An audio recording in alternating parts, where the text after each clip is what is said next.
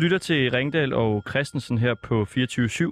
Et uh, kulturprogram, der vil for... Det er fordi, vi plejer ikke at sige, hvad for et program vi er. Nej. Det trigger mig helt ud. Det Det er det nye. vi skal nu. Jeg prøver det nu. Et kulturprogram til dig, der vil forstå verden på en lidt anderledes måde. Der er øh, nogle ting, vi skal igennem i dag. En øh, skole på Bornholm har valgt at indføre kønsopdelt undervisning for deres øh, 8. årgang, og det skal vi tale med øh, skolebestyrelsens formand om. Og tidligere der talte vi med en, der synes, det, her, det er en rigtig god idé. Det skal vi også lige øh, øh, høre på. Og Og så, ja, ja. Vi, vi skal prøve noget lidt sjovt i dag. Mm. Altså, jeg, jeg glæder mig virkelig meget.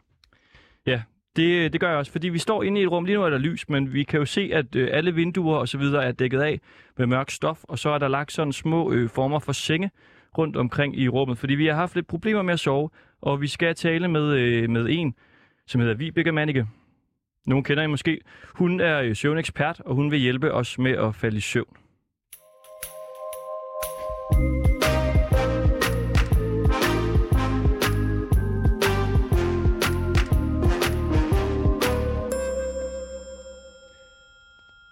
Ja, for øh, Åvang-skolen i Rønne på, på Bornholm, de har altså valgt at indføre kønsopdelt undervisning. Og fra i går, ja, der mødte eleverne fra deres øh, 8. årgang ind til en, ja, markant anden øh, hverdag, kan man vist godt sige.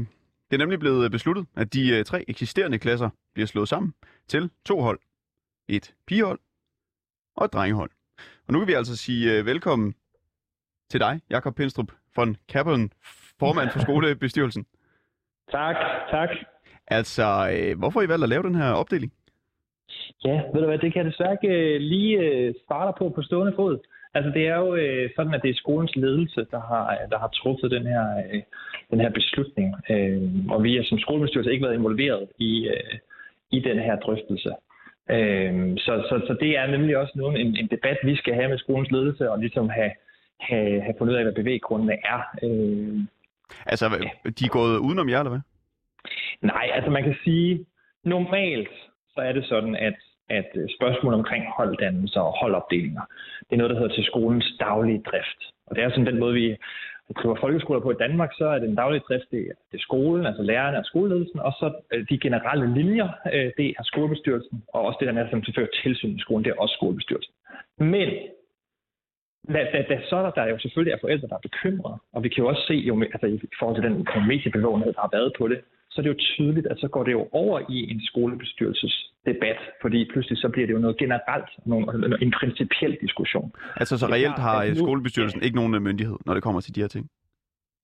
Jo, altså i forhold til de generelle linjer har vi det, men vi arbejder fremadrettet.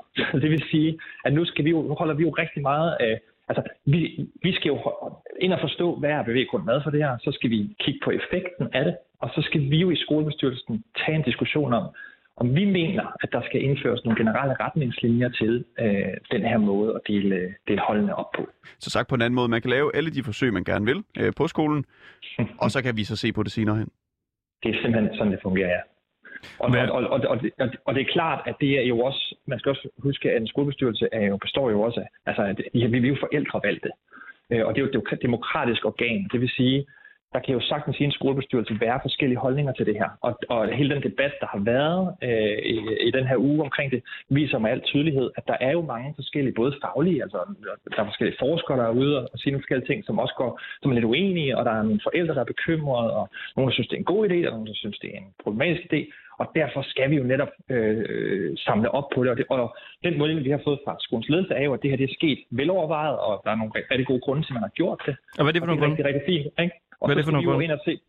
Jamen, det, der har været meldt ud, har jo været, der har været en, der har været en, en, en trivselsmåling, og den reagerer man så på øh, ved at lave den her, øh, den her, den her opdeling som, som et, en, et, et, et tiltag. Ikke?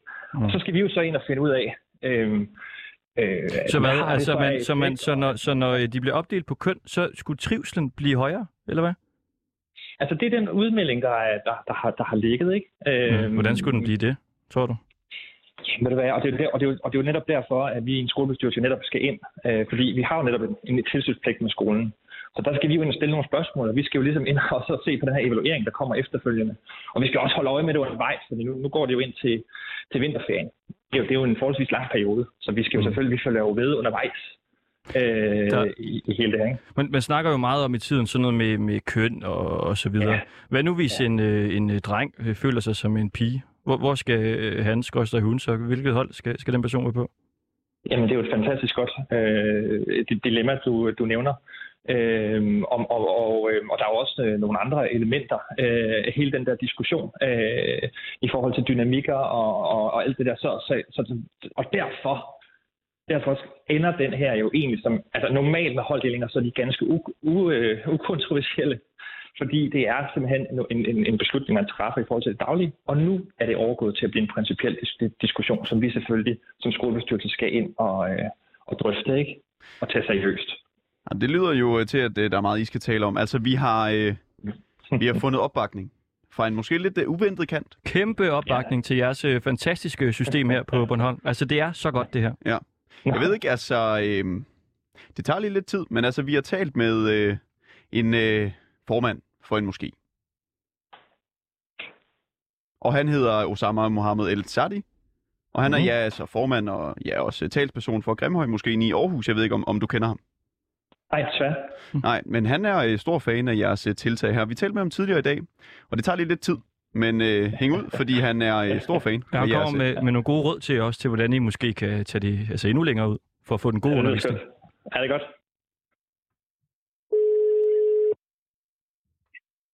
Hallo? Hey, det er uh, Anton og Christoffer inden for Radio Loud. Nej. Hej så. Okay, vi er, vi er klar. Du bliver la- Radio Loud nu? Ja, undskyld, 24-7. Altså, vi har jo lige ændret navn. Jeg glemte det. Nå. 24-7 okay. hedder vi. Ja. ja. Hvilke fordele kan der være ved at lave sådan en uh, opdeling? Øh, jeg er ikke en øh, ekspert på meget på, på det her ting, øh, i, specielt når man bor i Danmark.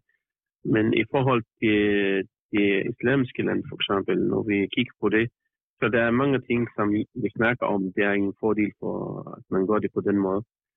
Øh, det, det er det mindste, at man, øh, at man, øh, kan man sige, skaber en, en, en rigtig god miljø øh, til undervisning hvor børn og, øh, jeg mener, dreng og piger, de har deres egen uh, privatliv. Uh, det er godt, fordi de kan ikke være sammen. Uh, alligevel, uh, dreng, de har uh, deres egen måde, og pigerne, de har deres egen måde. Uh, pigerne, de har deres uh, egen følelser og følelser. Og det kan godt være, at der er noget, de, de mister også uh, koncentration, når de, uh, de kan ikke koncentrere sig, uh, når de uh, for eksempel uh, går på undervisning, specielt når de er på en høj klasse for eksempel. Så det vil være meget travlt med, hvordan det skal se ud, og hvem det skal kigge på mig, og, og ikke kigge på mig. Og så det, det, det, kan det skaber rigtig, rigtig mange ballader, øh, faktisk, de mener øh, på den måde. Øh, det er lidt svært her i Danmark, at man øh, snakker på den måde, men, men øh, når du kigger også i for eksempel USA, det er mange eksperter, øh, de, de snakker om det, Øh, de siger, at det er de bedste øh, måde, at man øh, får undervisning på den måde. Så, så det, det giver også mening for, at, at børn de får en rigtig god undervisning fra starten af, fordi det er ikke så meget ting, de kan travlt med, når de, når de koncentrerer på undervisningen. Okay, så der er så meget, der, der peger på, at det er en god ting at lave den her kønsopdeling her? Øhm, jamen, øh, ifølge alt, hvad, hvad man hører fra eksperter, altså dem, der har erfaring med det, så, så ja, kan man sige. Ja, altså kan man på en eller anden måde sige, at der faktisk ikke rigtig er nogen grund til ikke at lave kønsopdelt øh, undervisning? Øhm, øh, jamen, igen, jeg siger, at det, det er selvfølgelig, det kommer til, øh, det, det er eksperter, som de kan, øh, de, de forstår det, eller, eller de, de kan pege på det, hvordan det er, det, det, hvad er det bedste, kan man sige. Ikke? For mig, jeg vil sige, at øh, ifølge, øh, ifølge det, det, dengang vi, vi, vi vokser op i, en, i den slags øh, skole i, i vores, øh, i det land, som vi kommer fra, så det var rigtig godt. Skolen her, det er jo så kun under undervisning, de vil opdele eleverne. Tror du, det vil være øh, altså en god idé at også holde dem opdelt i frikvartererne osv.? Jamen, igen, øh, det, ja, det, ved ikke, det ved jeg ikke faktisk. Jeg ved ikke, hvordan det skal være. Fordi uh, igen og igen, jeg siger, at det, det, det er efter... efter det, det, det er en ekspert, hvordan det kan sige det ud. Ikke? For mig, jeg mener, at, at vi, jeg sender min, min, min børn til skole, fordi jeg vil have det bedste for dem, at de lærer noget, og at det kommer øh, til at øh, bidrage til samfundet med en rigtig, rigtig høj og god kan man sige, øh, niveau. Kunne det egentlig ikke også være smart så at lave for eksempel en, øh, en indgang til pigerne, og så en indgang til drengene, for at undgå de her forstyrrelser her? Ej, det, det, det ved jeg ikke, det ved jeg ikke. jeg, jeg, jeg ved ikke, du, du spørger mig du om en, en ting, som jeg, som, som jeg sagde til dig. Alligevel, ja, vi, øh, øh, i- Danmark, der er, en, øh, det er nogle regler, som, som, øh, som vi, øh, vi føler, kan man sige. Ikke? Jo, jo, det- men det- altså regler, regler og regler. Hvis nu vi bare tænker sådan, hvad der egentlig ville være smart.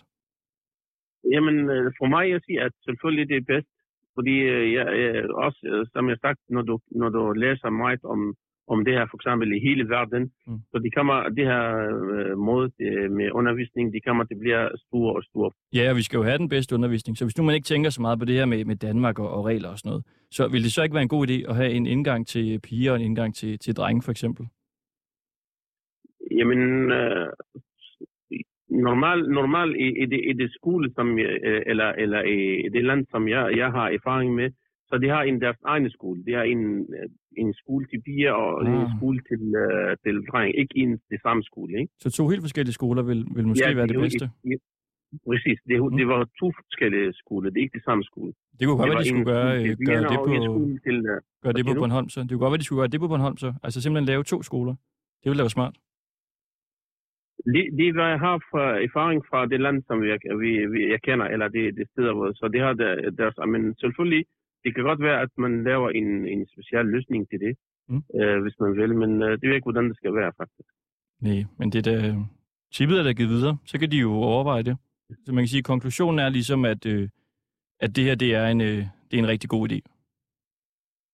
Det er en, for mig selv, øh, jeg synes, ja, det er en god idé, fordi det giver mere resultat med undervisning til, øh, til vores, øh, kan man sige, fremtid øh, ung, som det, vi, vi, vi venter nogle rigtig gode ting fra dem. Så det, øh, det synes jeg, at øh, jamen, hvorfor ikke man prøve det? Mm. Og så øh, man kan sige, hvad, hvilken øh, resultat man, man får fra det, ikke? Jo. Jo, vi vil jo gerne have de gode resultater der, men skal vi så ikke, øh, skal vi ikke lige hylde skolen på Bornholm for at lave den her kønsopdeling her? Vil du være med til det? Så siger vi bare, øh, kom så Bornholm. Kom så Bornholm. Det er lidt svært for mig faktisk, at jeg, at jeg siger det nu. Det er godt. Uh, jeg, jeg vil gerne sige, at vi vil have Hvorfor er det det bedste. svært? Hvorfor er det svært? Ja, men uh, nej, fordi uh, jeg, jeg vil ikke... Uh, uh, jeg, jeg, vil, jeg vil sige, uh, for eksempel, jeg vil, jeg vil gerne, at alle de, de, de, de laver det gode til, uh, til, vores, uh, til vores børn. Altså selvfølgelig alle, alle idéer, som det, det giver en, en rigtig god mening og rigtig god resultat til, til, til vores børn undervisning, og så bliver det også bedre til samfund. Så Mm. selvfølgelig er jeg med, og så jeg vil sige, at jeg er rigtig god. Men svært og svært. Men vi kan vel godt sige, at det er, øh, det er rigtig godt gået af Bornholm, det her. Og det er den rigtige vej frem. Men det håber jeg. Jamen godt. Jamen, øh, tusind tak for det. Ja, selv tak. Så håber vi da, at der er flere i skoler, der begynder at lave den her kønsopdeling. Eller måske endda laver en skole til, til drenge og en til piger. Ja, skal vi sige først, øh, hvordan det, det kommer til at se ud med den der... Ja, vi kan, vi kan starte her, så kan vi tage den derfra. så vi sige til, hvordan det skal være, ja. Jamen, øh, ved du hvad? ja Tusind det, tak for det, det. det er ikke nemt, at, øh, at du ændrer samfundet på, kan man Nej. sige, øh, her på, øh, på, på bare en, øh, en dag og sådan noget. Så det, det skal være også en, en, en, en studie, der viser, at, at, øh, at det, det er en rigtig øh, beslutning, kan man sige. Ikke? Jo, vi tager den lidt ad gangen. Ja. Indtil vi når, øh, når Ja. målet. Så Bornholm. Fedt. Det var, det var spændende at høre om. Tusind, øh, tusind tak for det. Selv tak. God dag. Hej. Ja, det var altså vores øh, samtale med øh, Osama Mohammed El Sadi. Han er formand for Grimhøj Moskeen i Aarhus. Han er blandt andet øh, fortaler for et øh, islamisk kalifat, som bygger på Koranens lov og regler. Og så støtter han altså jeres øh, tiltag om øh, kønsopdelt Ja, øh, undervisning. Det fedt at høre. Jakob Pindstrup von Kappelen, formand for skole, skolebestyrelsen på Åvangsskolen øh, på Bornholm. Det er dejligt med opbakning, er det ikke det? Ved du hvad, og, og den debat, der har været her hele den her uge, viser jo lige præcis, at, man, øh, at der, er jo, der, er jo, øh, der er jo mange linjer i det her, og der er mange mm. holdninger til det. Og lige præcis derfor er vi jo netop øh, i skolebestyrelsen meget bevidste om, at vi skal have en rigtig god, grundig debat, og vi skal også have noget viden om det her. Øh, fordi man skal, man skal netop tage alle de her øh, betragtninger øh, øh, altså, vi skal alle betragtningerne i spil. Det er jo også sådan, De gode betragtninger her. Skolen, at uh, der, er der er jo sådan, også på overgangsskolen, at der er jo forældre, der synes, det, det umiddelbart lyder som en god idé, der er forældre, der er bekymret. Øh, så nu skal vi have fundet ud af, hvad, øh, hvad vores som skolebestyrelse, hvad vores take er på det her. Det er en god idé. Øh, på baggrund af den viden, vi får, og den effekt, det har. Og så er det klart, at øh, vi skal være lidt påpasselige. Altså, hvor glad er du for øh, opbakning fra øh, formanden her? Hvis du skal være helt ærlig.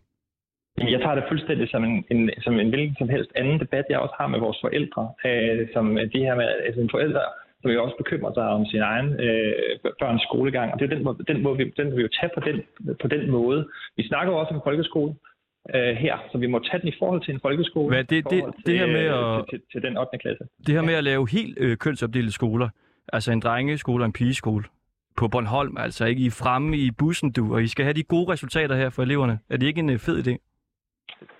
Så det var godt, at jeg slet ikke skal bande mig i. Nå. Øh, det, Nå, hvad- det hvad jo synes du personligt? Ja, det vil jeg slet ikke, det, det vil jeg endelig ikke udtale mig om. Nå. Ja, Det, det, det, det er slet ikke det, vi snakker om her. Nu, nu, nu skal vi lige så stille finde ud af, hvad, hvad, hvad der er årsagen bag det her. Yes. Øh, og så skal vi ligesom have taget den her beslutning, eller hvad kan man sige, drøftelse internt, så alle kan blive hørt. Også dem, der er dem, dem der står i dem, der er positive over for det. Og dem, det, der øh, det må I så finde ud af. Det er jo lidt sjovt, der er jo mange faktisk muslimske skoler, der har fået taget tilskud for at lave kønsopdelt øh, undervisning, men vi håber, det ikke bliver, et, øh, bliver på den måde der i Bornholm. Tusind tak øh, for det. Tak, og tak for gode spørgsmål. Tak.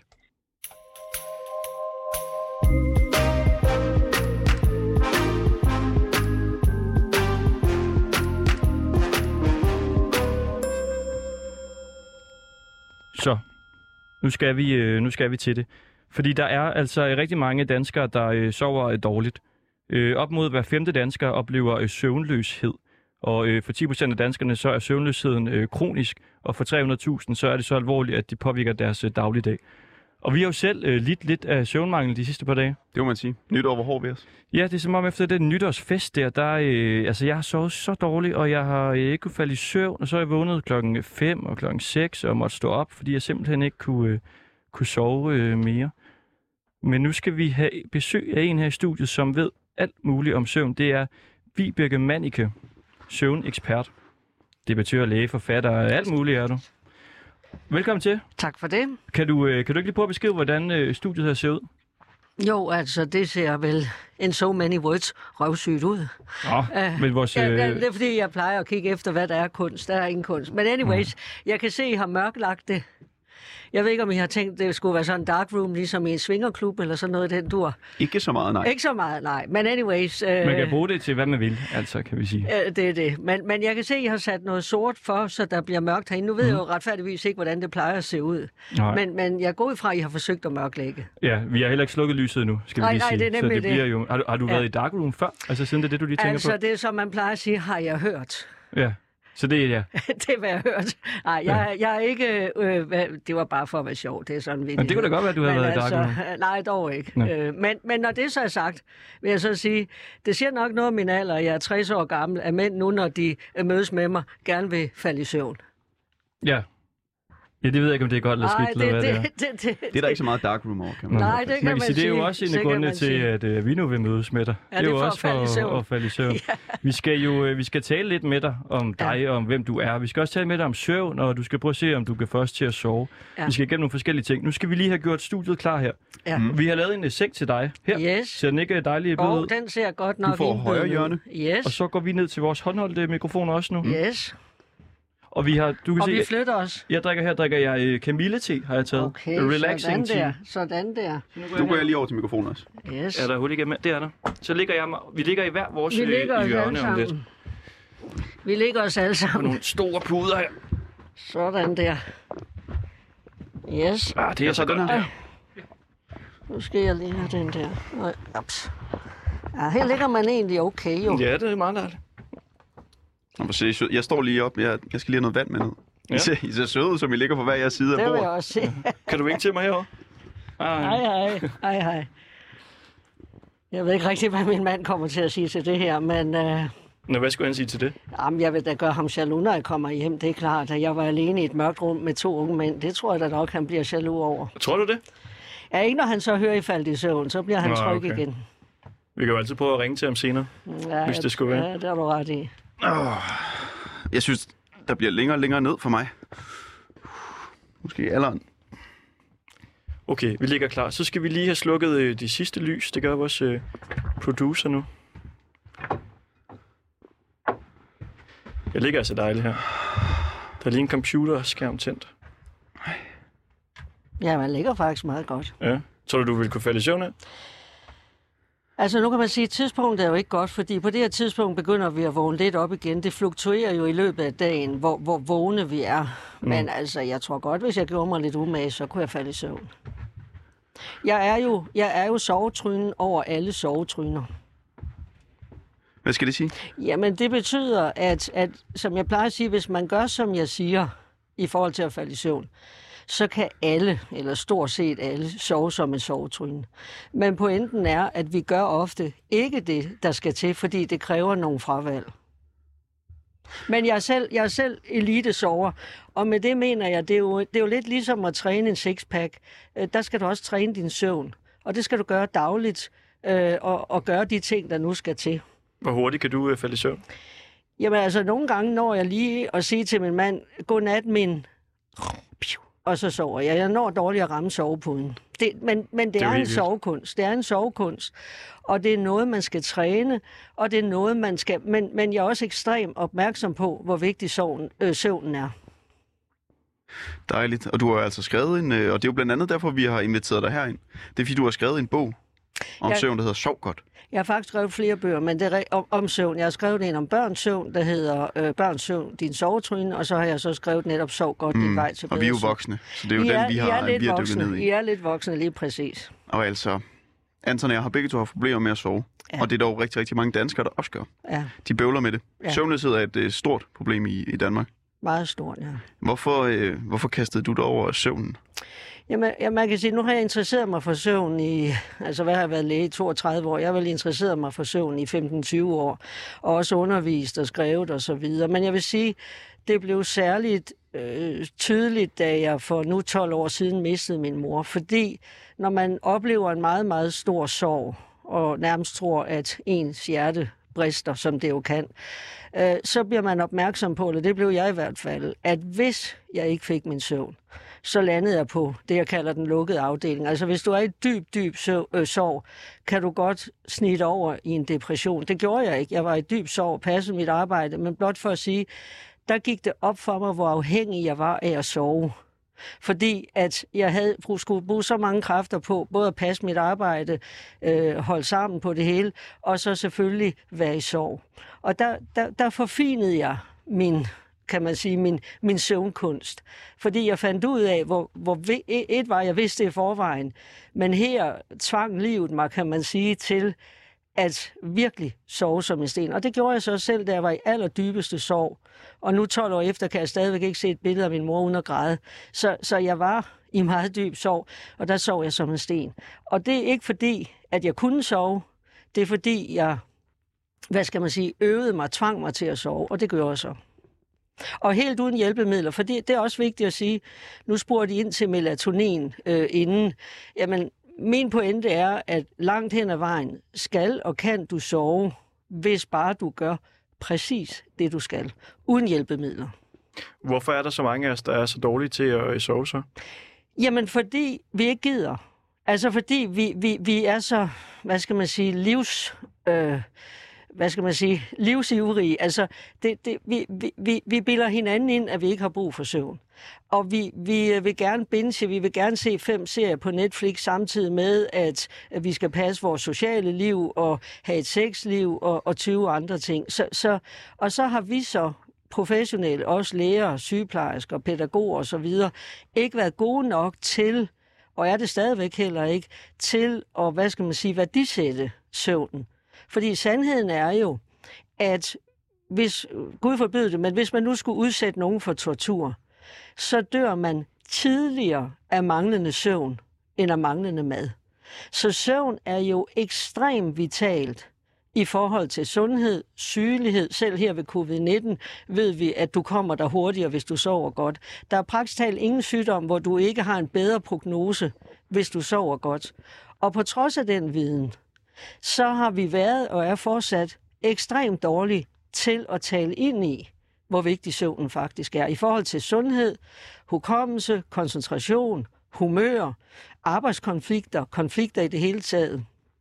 Så, så det falder lidt tilbage på os selv, og så samtidig er vi så selv så ekstremt fokuseret på at få mest muligt ud, ud af døgnet, og så, og så går det ud over søvnen. Og vi kan jo lige øh, sige, vi ligger jo øh, på øh, gulvet på nogle puder inde i vores øh, radiostudie her, der er øh, rimelig mørkt derinde, og vi ligger ligesom i, i hver vores øh, hjørne. Og øh, vi har dig med, Vibeke Manike. Kan du ikke lige sådan altså, præsentere dig selv for lytterne? Hvem er du? Jo, altså, jeg hedder Vibeke Manike, og så er jeg læge, og så har jeg en Ph.D., og så har jeg vel skrevet 35 bøger, og, og, og, og har vel været en offentlig person i stort set 30 år eller sådan noget. Så har jeg i mange år nu, når det handler om det her, beskæftiget mig eller interesseret mig meget for søvn, underviser i søvn, øh, har sådan nogle søvncoach-uddannelser osv., øh, men er også ekstremt fokuseret i forhold til mig selv og min nærmeste, hvor vigtig søvnen er for vores velbefindende.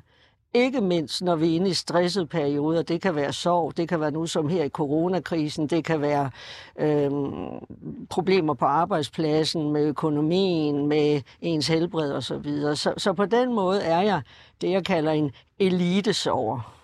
Det synes jeg selv er meget sjovt. Ja, det er det da også. Altså, jeg er meget imponeret over, hvor præcis du taler, og hvor, hvor godt man kan høre dig, selvom vi ligger ned. altså, jeg kan næsten ikke, jeg kan nok trække vejret.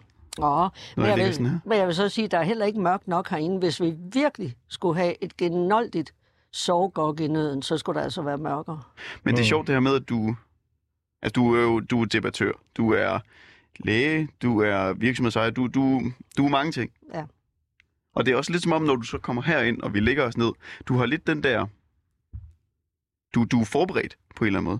Altså, du, det, er, det er næsten som om, du har sagt mange af de ting her før. Det har jeg jo også, fordi jeg, jeg underviser og holder så mange foredrag om søvn og, og så videre, så man kan sige, øh, det er noget, jeg har talt om i mange år. Mm. Men, men det er også noget, som du nok kan høre, der ligger mig ekstremt meget på hjerte. Fordi når folk tit spørger mig, jamen Vibke, hvorfor overkommer du, eller hvad overkommer du, eller hvad gør du, eller hvordan passer du på dig selv, jamen så er det jo faktisk en meget væsentlig del af min egen, egen omsorg det er, at specielt i stressede perioder, eller i perioder, hvor man synes, det hele er lidt op ad bakke, der stepper jeg i ekstrem grad op på søvnen. Altså, der er jeg meget, meget fokuseret på at få min bogstavelse forstand skønhedssøvn. Øh, men, men, men er også hele tiden opmærksom på, hvordan ja, om man så må sige, kan hjælpe andre til det. Og det var jo egentlig derfor, jeg var kommet herind. Det var for at give jer et par fif fiduser. For det gør det jo ikke alene med mørket. Mm. Nej, og det er også noget, det vi skal senere. Jeg tror bare, jeg er også altid bange for, når jeg hiver folk ind i studiet, og det tror jeg egentlig også, Anton er, at kede folk med vores spørgsmål. Mm. Altså, jeg vil på en eller anden måde, kan vi stille dig et spørgsmål, du aldrig har fået før? Det skal jeg ikke kunne sige, om jeg kan. Prøv at tænke over et spørgsmål. Jamen, nu stillede I mig det jo allerede, om jeg har været i dark room. Det var jo så mig selv, der lagde op til det, men det har jeg aldrig fået før, det spørgsmål. Er der noget, du ikke har øh, snakket om før, så? Du siger, du har snakket meget om søvn. Nej, altså, hvad tænker du i det hele taget? Eller? Ja. Altså, ikke hvad jeg sådan lige kan komme på. Der er ikke noget, hvor jeg sådan tænker, hold da op, det har jeg aldrig talt om. Men altså, nu skal I også huske, at, at jeg har jo trods alt den faglige baggrund, jeg har. Så, så jeg har jo talt med folk om mange ting. Altså, øh, noget andet er, jeg har været, det er jo så noget helt andet, jeg har været ekstremt censureret de sidste to år i, i offentlige medier, men det er jo en anden snak. Men, men jeg, der er ikke sådan noget, hvor jeg har, har tænkt, det har jeg ikke talt om, så det har jeg ikke fantasi til, så... Hvordan øh, censureret i medierne, tænker du? Jamen, nu skal man jo huske, at jeg, som jeg siger, har været, har været offentlig person i vel 30 år. Det vil sige, også i kraft af alle de bøger, jeg har skrevet, blandt andet omkring børn og børneopdragelse osv., der har jeg jo tit blevet spurgt om dette eller hent.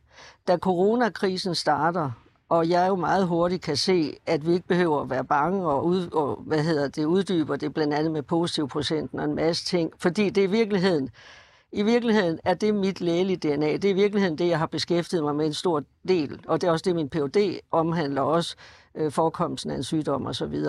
Øh, der bliver jeg stort set lagt på is derefter. Og det vil sige, at på trods af, at jeg har forsøgt at få altså en masse fakta igennem, så sent som i dag, vi har nu data på, at øh, hvad hedder det, øh, unge eller yngre øh, med efter tredje booster har en markant øget risiko for at få covid-19, eller altså omikron.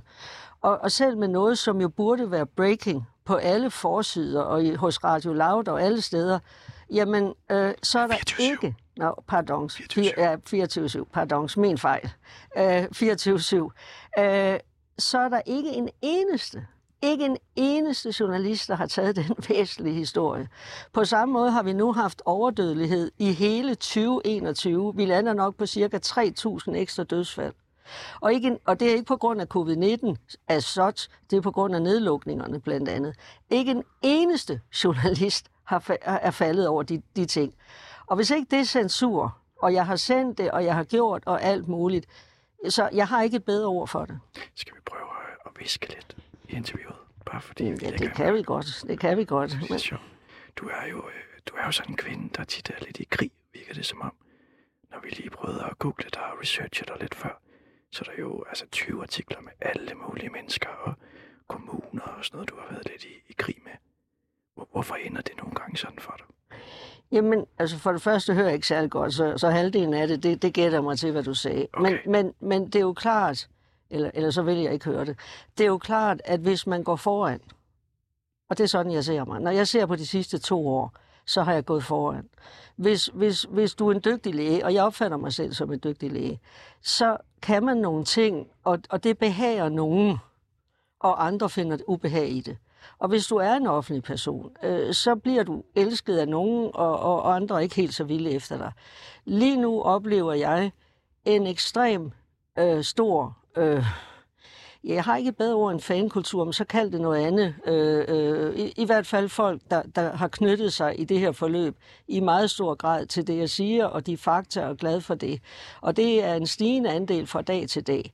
Og de, de forstår, hvad jeg siger. Er det de der Men in Black-typer? Nej, dem har jeg ikke noget med at gøre, så dem kender jeg faktisk ikke. Nej, det er helt almindelige mennesker. Det er, som vi plejer at sige, herre for Danmark. Altså, det er fuldstændig almindelige mennesker. Øh, De er hverken på den ene eller den anden fløj. De er sådan, groft sagt, midt i det hele. Helt almindelige mennesker.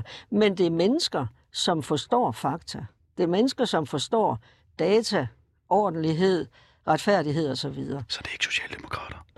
Det er det faktisk en del af dem. En del af dem er jo øh, frafaldende socialdemokrater. Det skal man jo huske. Der er jo rigtig, rigtig mange lige nu, som er det, vi kalder politisk hjemløse. Som, som ikke aner, hvor skal de stille der, hvor skal de sætte deres kryds. De har ikke tillid til regeringen, øh, de har ikke tillid til oppositionen. De er det, som de selv kalder politisk hjemløse. Og rigtig mange af dem, de er faktisk tidligere socialdemokrater, SF og så videre. Så, så øh, jeg har ikke sådan spurgt, men, men jeg kan se, at en del er derfra. Men, men det interesserer mig egentlig ikke så meget, hvor, hvem de har stemt på, men blot for at sige, at det er faktisk helt almindelige mennesker. Og mange af dem opsøger mig jo også fysisk og så videre. Så jeg får hils på en del. De var... Hvad? De kommer hjem til dig. Ej, de kommer ikke hjem til mig. Men vi har jo, øh, som I ved, har vi jo en familievirksomhed, øh, Jules CBH, og, og når de ved, at jeg er, øh, som jeg jo så nogle gange siger, hvor jeg er, så, så kommer de så ind for at hilse på. Så øh, nej, de opsøger mig ikke derhjemme, trods alt. Men rigtig mange opsøger mig jo på Facebook og på min blog og på øh, LinkedIn, som en så sødt kalder det, øh, på LinkedIn. Altså finder mig de forskellige steder på Instagram, på de forskellige sociale medier. Og det er jeg selvfølgelig glad for, fordi øh, det er egentlig kun dem, som vil mig ondt, forstå mig ret, som begynder at google mig, fordi langt størsteparten har jo egentlig dannet et indblik af, hvem er jeg. Jeg har været en offentlig person. Nu, nu er jeg helt med på, at I to er, er forholdsvis unge og har måske heller ikke små børn. Men, men rigtig mange har jo et billede af, hvem jeg er. Så de har egentlig besluttet sig for, om de synes, jeg er en, de kan have tillid til, eller omvendt ikke er. Og det vi så kan se, som der er noget, som I siger med Google og så videre, meget af det, det er udtryk for hate og chikane og defamering. Derfor sagde jeg jo også til dig, inden jeg kom herind, at hvis, hvis, hvis det her handler om, at I vil lave et portræt af mig, øh, som bare var en, som Kisser og jeg kalder en bot-botter, så var jeg ikke interesseret i at komme, for det har jeg ikke brug for. Hvad er det? En bot-botter? Jamen, det var jo noget i virkeligheden i starten af coronakrisen, da jeg blev censureret.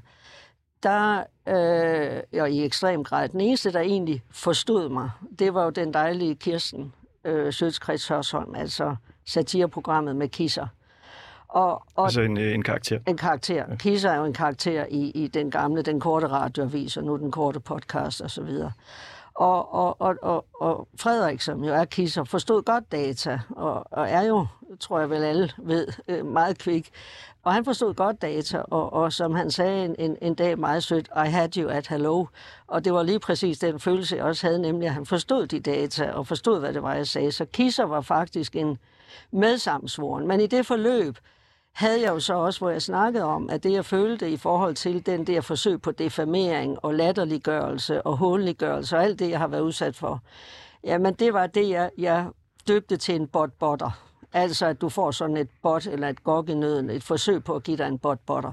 Men er der mange... øh, Jeg kan altså ikke øh, viske mere. Undskyld. Er er der mange, øh, altså er der mange, der er imod dig? Fordi en ting, det er jo så det her med, med du har været lidt coronaskeptisk, Mm. mm. men man kan jo også finde øh, historier om for eksempel Weekendavisen, tror jeg det var, der skrev en øh, dårlig anmeldelse af din bog, Mm. og også øh, er det Svendborg Kommune, du også har været lidt i karambolage med og sådan Nej, jeg noget. har ikke været i karambolage med Svendborg, men du finder et eller andet frem, vi er tilbage til, der er 12 år gammel, mm. og det er fuldstændig ligegyldigt. Men jeg synes faktisk, den er interessant, den med Weekendavisen, for det var rigtigt. Det var en anmeldelse af en af mine bøger, hvor en tidligere Altså, der er du også tilbage til, til at, øh, øh, hos, hos os læger har vi noget, der hedder, har du interessekonflikter. Det vil sige, når du skal offentliggøre en artikel, så skal du øh, øh, underskrive, om du har interessekonflikter.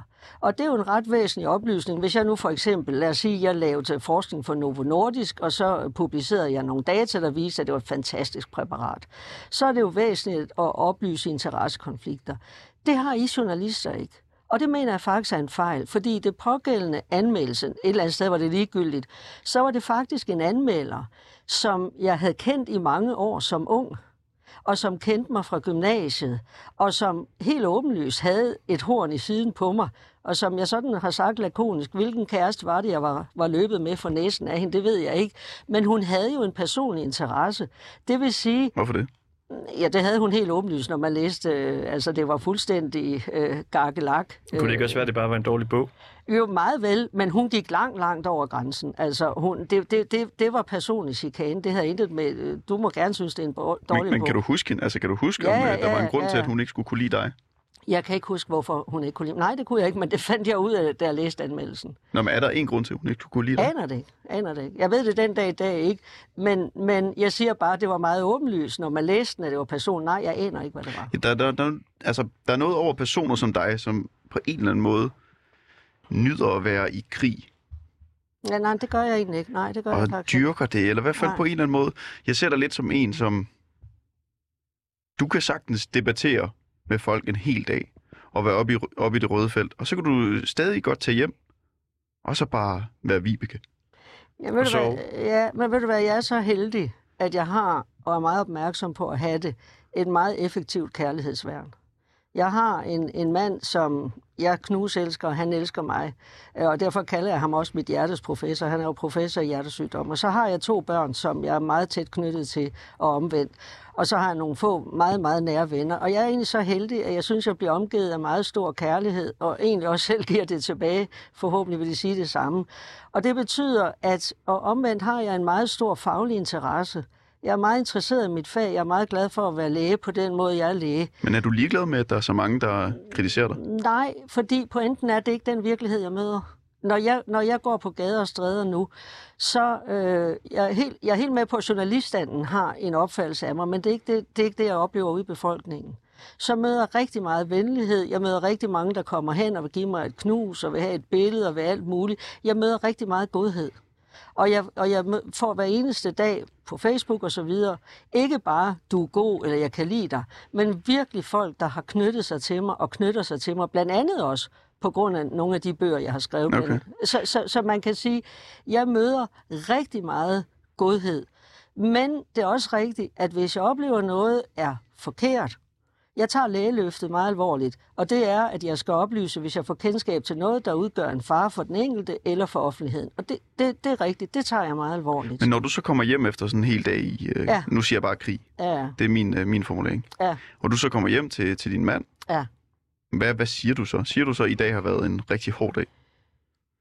Øh, nej, så snakker vi bare om dagen, og, og man kan sige igen, hvis du ser på hele coronaforløbet, øh, så er det jo meget fakta, eller det er udelukkende fakta, jeg har forholdt mig til. Øh, så diskuterer vi rigtig meget data, vi diskuterer rigtig meget den videnskabelige dokumentation.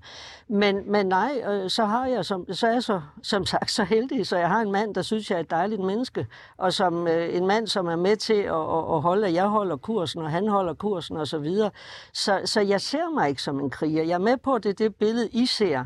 Men, men det er ikke den hverdag, jeg har. Jeg har også en mand, nu, nu reagerede I ikke så meget, da jeg selv synes, jeg var sjov, men hvis jeg sagde det til min mand, så ville vi jo simpelthen trille rundt og grine begge to og synes, det var hyldende morsomt. Ikke? Altså, det, det, du sagde hvad? At det med darkroom og alt det der, Nå. altså, det synes jeg jo selv var meget morsomt. Det kunne jeg jo godt se, at I ikke synes var helt så sjovt.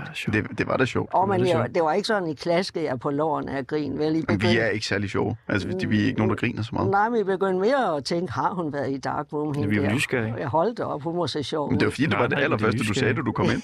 Ja, men det var så også en vittighed, jeg havde forberedt længe, fordi jeg tænkte, mm. det var sgu da meget sjovt. Men alt sammen for at sige, Forbereder du tit dine vittigheder? nej, Har, men, du, for, har du forberedt flere til i dag? nej, jeg har ikke flere. Jo, jo, jeg havde det der med, som jeg også sagde til jer, som jeg også selv synes var sjovt, at man har nået en vis alder, når mænd helst bare vil lære at sove ved siden af en. Men den synes jeg også selv var meget sjov. Det synes jeg også var sjovt. Men pointen er bare, at jeg har en mand, som får mig til at grine, øh, og som jeg får til at grine. Og det må jeg sige, som modvægt til sorger og frustrationer og så videre, der, der, der betyder latteren faktisk rigtig meget. Mm. Og hvad, ja, man kan jo godt tænke nogle gange, altså kan du blive, blive ved med at grine, fordi igen det her, der er jo mange, der nogle gange kan være øh, lidt imod dig. Og du er jo også for eksempel sat under øh, skærpet tilsyn af, af Styrelsen for øh, Patientsikkerhed, fordi de mener, at, øh, ja, at, at du som læge vil kunne udgøre en forringet øh, sikkerhed. Mm. Jamen, Det er jo ret vildt. Mm, Ja, det er nemlig ret vildt. Fordi, og jeg er da glad for, at øh, nu er det jo lidt sjovt igen, fordi øh, det er meget sjovt. I har ikke forberedt, at jeg har skrevet 35 bøger. I har heller ikke forberedt, at jeg har en Ph.D., men I har, I har forberedt, at, at jeg er sat under skærpet tilsyn. Det synes jeg også er interessant. Men lad os tage den. Det er de ting, der kommer op, når man ja, googler ja, dit det er navn. med på, det er med på. Men lad os tage den. Nej, det er det jo ikke, hvis du gik ind på Infomedia og så, hvad jeg har lavet. Men, men det er lige meget. Lad os bare tage den. I har jo så heller ikke gjort jer umage og spurgt mig, hvem er du egentlig, Vibke? Men lad os bare tage den.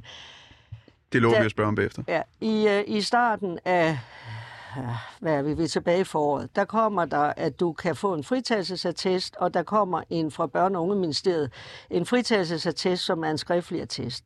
Af den fremgår, at en læge kan underskrive den alene ved lægens autorisationsnummer. Jeg bliver kontaktet af nogle mennesker, som er meget fortvivlet, har forskellige diagnoser, som falder ind under de her øh, kriterier. Og de uddyber det, jeg får adgang til sundhed.dk og så videre. Det korte og lange er, at jeg får lavet nogle få attester, indtil det kommer frem, at det må jeg måske ikke. Og det er stadigvæk uklart, om jeg måtte eller ikke. Men det ændrer ikke ved, at jeg selv af egen drift kontakter Styrelsen for Patientsikkerhed gentagende gange, får til sidst fat på dem og får så at vide, nej, det må du så nok ikke, men det her er en meget politisk betændt sag. Og så kører sagen ellers, og så er det så rigtigt, at så ender det med, at de sætter mig på trods af, at jeg tager ikke patienter i behandling, og det har jeg ikke gjort i vel 30 år. Fordi jeg er administrativ læge, jeg, er ikke, øh, jeg, jeg tager ikke patienter i behandling. Så giver de mig så det her famøse skærpede tilsyn. Nu ligger den hos ombudsmanden, og ombudsmanden ser på den med meget stor alvor. Fordi der er et grundprincip, nemlig at vi skal behandles ligeværdigt, retfærdigt og selvfølgelig proportionelt. I samme moment har adskillige borgere klaget til samme Styrelsen for Patientsikkerhed over Søren Brostrøm, og der er deres svar, at Søren Brostrøm tager ikke i behandling, ergo er det uden for deres resort. Se, det er jo ikke rigtigt, fordi han har jo gået og vaccineret folk. Så, så på den ene side friholder de Søren Brostrøm, og det er fair nok, for han tager heller ikke i behandling.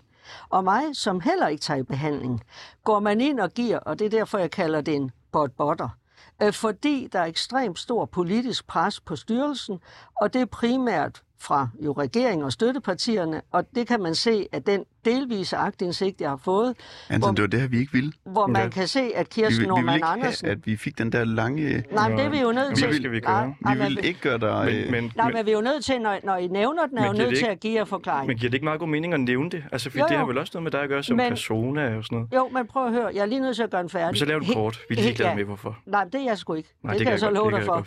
Øh, Kirsten Norman Andersen, SF's sundhedspolitiske ordfører, det er jo hendes værk. Det er jo hende, der har udøvet et ekstremt pres på Sundhedsministeriet og på Styrelsen for Patientsikkerhed. Men det gode budskab er, at ombudsmanden efter alt at dømme går ind i sagen, og det bør også være sådan. Og, og har det betydning for min praktiske hverdag? Ikke en snus, for jeg tager ikke i behandling. Så det er for praktiske gørmål fuldstændig ligegyldigt. Og det er det jo så alligevel ikke, fordi et, I nævner det. To, selvfølgelig er det sådan en bot-botter. Øh, og det er bare Bot-bot. ikke i orden, det er uretfærdigt. Chris, Mm. skal vi spørge dig om det der med, hvem hun er? Jeg synes heller, I skal spørge mig om, hvordan man får folk til at sove, for det var sådan set derfor, jeg kom herind. Skal Nej, vi skal lige spørge Vi først. skal lige det spørge, hvem okay, hun er. ja, ja. Hvem? Ja, Vi starter forfra. Ja. ja. Vibeke Hvem- Manneke, hvem er Hvem du? er du? ja, det er jo et godt spørgsmål, Tak, men tak. det var måske bare det, jeg skulle svare. Nej, nej, du må gerne. Nå. Jeg tog bare, rosen. Nå, men jeg vil sige, øh, øh, øh, jeg, jeg, jeg er en kvinde, som voksede op med en mor, som, og det har jeg jo, det er jo gået op for mig i alt det her, at min mor var valgte i 1961 at få mig med en gift mand. Det betød, at der havde man lidt sære sværlige odds. Min far døde, så da jeg var syv år gammel, og min mor og jeg havde et lykkeligt liv sammen. Min mor var ekstremt dygtig til matematik, matematik fysik og kemi. Det betød, at selv op i 3.G, jeg var matfys hed det dengang, øh, der kunne hun hjælpe mig øh, med opgaverne, altså blot for at sige, at jeg fik en ekstrem naturvidenskabelig opvækst, kan man sige. Og øh, sammen, havde jeg nær sagt, gjorde vi, at, at jeg så blev læge, hvilket var usædvanligt for den tid af en enlig mor fra en provinsby, som Silkeborg var. Så jeg har haft, synes jeg selv, et meget, en fantastisk barndom og været et meget elsket barn øh, og og et meget set barn, men også et barn, som ligesom har skulle, hvad skal man sige, havde en rolle den anden vej også. Det var ikke bare mor, jeg vil have og have. Det var også, hvad giver jeg dig? Jeg blev meget hurtigt. Min far dør, da jeg er syv. Det sidste, han siger til min mor, det er, øh, når Vibeke bliver stor, vil jeg gerne have, at hun bliver læge. Og min mor siger retmæssigt, det er der, der ingen grund til at snakke om nu. Øh, hun er syv år gammel, øh, og så dør han få dage efter. Øh, pludselig. Øh, og, og det gjorde egentlig, at det var sådan set en drivkraft for mig, fordi hvis du som syvårig mister en forælder, så bliver du meget bevidst om, at du kan miste den anden også. Øh, så for mig har det egentlig været derefter, at jeg skulle være læge for at kunne passe på min mor, men også i bredere forstand øh, passe på andre, hvis man kan sige det sådan. Og det har jeg egentlig taget meget alvorligt. Og, og så har det egentlig været mit virke. Så var jeg så... Nu bliver det jo meget langt, om lidt siger I, så langt Men vi har det ikke så lang tid. Nej, det kan Altså, men vi skulle jo have haft yes. time mere. Ja, vi skulle have Du, haft du må ja. komme ind i igen en eller anden gang. Ja. Fordi vi har faktisk gået fem og et halvt minut. Nå, men Kan, så- kan du ikke lære os at falde i søvn nu? Jo, og det er egentlig det. Hvis man vil være en sovetryne af Guds nåde, som jeg selv er, så er der nogle meget simple principper. For det første skal man sige til sig selv, eller erkende og anerkende, hvor vigtig søvnen er. Det betyder, at man skal prioritere den. Vi har hver aften, lad os nu sige, nu er I sådan nogle yngre gentlemen, lad os sige, I står op ved syvtiden. Så ligger jeres søvnvindue. I er trætte i aften, men cirka 10.30, der bliver I sådan rigtig trætte. Altså ikke bare trætte, men rigtig trætte. Og der har I sådan et søvnvindue på cirka 20 minutter. Hvis I i det søvnvindue for det første sikrer jer, at der er dæmpet belysning overalt, hvor I færdes, inklusiv på badeværelset. Altså vidderligt overalt, fordi det hjælper hjernen til at falde i søvn. For hvornår, siger du? Ja, altså cirka den sidste halve time, før du skal sove. Mm. Dæmpet belysning. Og når så, også ude på badeværelset. Og når så du går i seng, så skal der være bælmørkt, as en bælmørkt. Så har rigtig mange det her med tankemøller, og der skal gerne være køligt. Så har rigtig mange det her med tankemøller, du ved, man siger, åh, hvad skal jeg huske, eller det gik ikke så godt, eller det gik godt, eller åh nej. Øh, man skal gøre sig fuldstændig tanketom. Det vil sige, at det er ikke der, hvis man har en partner, det er ikke der, man skal diskutere økonomi, børneopdragelse, hundeopdragelse eller noget som helst. Man skal lukke ned. Det kan godt være, at man kan øh, få sig lidt, lidt hed sex, det er fint nok, men, men ud over det skal sengen kun bruges til at sove. Sover man bedre efter sex? Det er der noget, der tyder på, at man gør. Der er også noget, der tyder på, at man ikke gør. Men, men det, er, det er et frivilligt valg også, om man har nogen at have det med, eller skal råde med sig selv. Det, må man, det er, hvad det er. Men man skal hverken ligge med telefonen, eller med fjernsynet, eller andet, der skal være bælmørkt. Og den måde, man så gør sig tanketom på, det er, jeg har sådan en teknik, jeg kan simpelthen skubbe tankerne væk. Men det nemmeste... men, mens, mens du forklarer det, Vibe, Anta, skal vi lige Ja. sætte uh, musik på? Bare lige mens Vibe kan forklare det her. Nej, vi kan ikke nå det. Nej, men det, øh, det, nu kommer jeg nemlig til det vigtigste, for okay. det er tankemøller, det rigtig meget bliver plaget af. Man kan gøre to ting. Enten at man tæller sine vejrtrækninger, altså ikke højt, det er ikke sådan, man ligger og siger, en. Altså man, man tæller det ind i sig selv, fordi så får man skubbet tankemølleret væk. Eller to, at man tænker på noget godt et eller andet sted. Nu dyrker jeg havsvømning, så jeg tænker på en strand øh, på Bornholm med nogle klipper. Og det vil sige, at jeg kan blive ved med at tage svømmetag i uendelighed. Og det skubber alle spekulationer væk, alle tanker væk, og bang, så sover du. Altså, jeg synes jo tit, jeg oplever det her med, at jeg kan være simpelthen så træt, når jeg kommer hjem fra arbejde. Og så når klokken bliver 10, 20 minutter over 10, så begynder jeg pludselig at blive sådan frisk igen. Og det er så irriterende. Så er du blevet overtræt. Så skulle du faktisk have været gået i seng halv 10. Så det, så det er fordi, jeg kommer over trætheden, Ja, og så når ja. bliver frisk. Ja, det er nemlig fordi, du kommer over dit øh, søvnvindue, kan vi sige. Mm. Så bliver du overtræt. Og hvis så du lægger dig der, så vil du ligge og karte rundt frem og tilbage, frem og tilbage, og tankerne mylder afsted. Øh, så, så jeg vil sige, det er vigtigt at mærke efter, hvor har man det der famøse søvnvindue. Og det er klart, des mere du har lavet, des mere strapasserende dagen har været, des trættere er du selvfølgelig. Men det er også vigtigt at se, ligesom I måske går til, du ved, træningscentre, eller løber, eller cykler, eller hvad I gør, det er også vigtigt at se det som noget, man faktisk skal træne. Altså, jeg er hver dag ekstremt opmærksom på, hvordan har jeg sovet i nat? Hvad gjorde jeg rigtigt? Hvad gjorde jeg forkert? Fint, så justerer jeg. Altså, øh, selvom jeg som sagt er elitesover, så, så skal du hele tiden træne den. Men det er jo også fordi, jeg ved, hvor afgørende søvnen er for mit helbred. Både det psykiske og det fysiske og, og det sociale for den sags skyld også. Mm. Der, altså, tusind tak for, for, for rådene, og også øh, tak for øh, selvfølgelig at komme herind. Der var en ting, du nævnte for efterhånden et, øh, et stykke tid siden. Mm.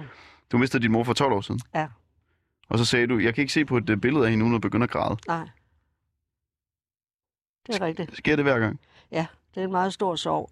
Men jeg tror også igen, fordi I sagde det jo selv, I, jeg bliver her mindet om, om Vibeke, du er en hadet person. Sådan oplever jeg mig under ingen omstændighed. Jeg oplever mig faktisk også, jeg også i offentligheden som en elsket person. Men det er klart, at jeg møder blandt andet jeres, øh, hvad skal man sige, tilgang og, og to års øh, censurhelvede her. Ja. Og, og når man er sådan en person som mig, så har man brug for sit kærlighedsværn. Og der var min mor jo en meget væsentlig Vi har også, vi har også kærlighed til dig, Det var Vibeke godt. Mannicke. var Vi kan godt. godt lide dig. Vi vil gerne tale med dig igen en gang, hvor vi ikke taler om alle de her dumme ting her. Tak. Og det er altså Ringdal og øh, Christensen her på øh, 24-7 med Vibeke Mannicke. Vi ligger inde i et øh, mørklagt øh, rum her på, øh, på, nogle, på nogle puder, hvor vi ligger i, i hver hjørne af, lokalet her. Hvordan synes du, det er? Altså, det kan at blive tyvet på den måde. Kan det ikke altså, nej, det, altså jeg vil så sige, nu tør jeg jo ikke være sjov igen, men jeg vil sige, vi, vi skulle egentlig have ligget i ske, fordi pointen er jo, at vi mennesker er jo som pattedyr. Således Hvis jeg at kommer over til dig, så kan Anton også øh, komme over til dig. Ja, så vil jeg så sige, så, Så, tror, så slutter vi så. Jeg? Vi har 10 sekunder. Så kommer vi nu, Vibeke. så tror jeg, min mand, han bliver, så Godt, tror så. jeg, han bliver ked af det. Han dør, han dør ikke det her. Kom, Ah, så tror jeg, så ligger vi. Jamen, så hygger vi. Ja, jeg vil så sige, heldigvis holder I trods alt lidt afstand. Men når det er sagt, vil jeg sige, når man ligger jo trykker ved siden af et andet menneske. Man sover bedre. Man sover trykker. Så I må sørge for at have nogen, I ligger ved siden af og sover ved. Det har vi også. det er godt. Tusind tak. Selv tak. Nå ja, det var da ved at blive meget morsomt.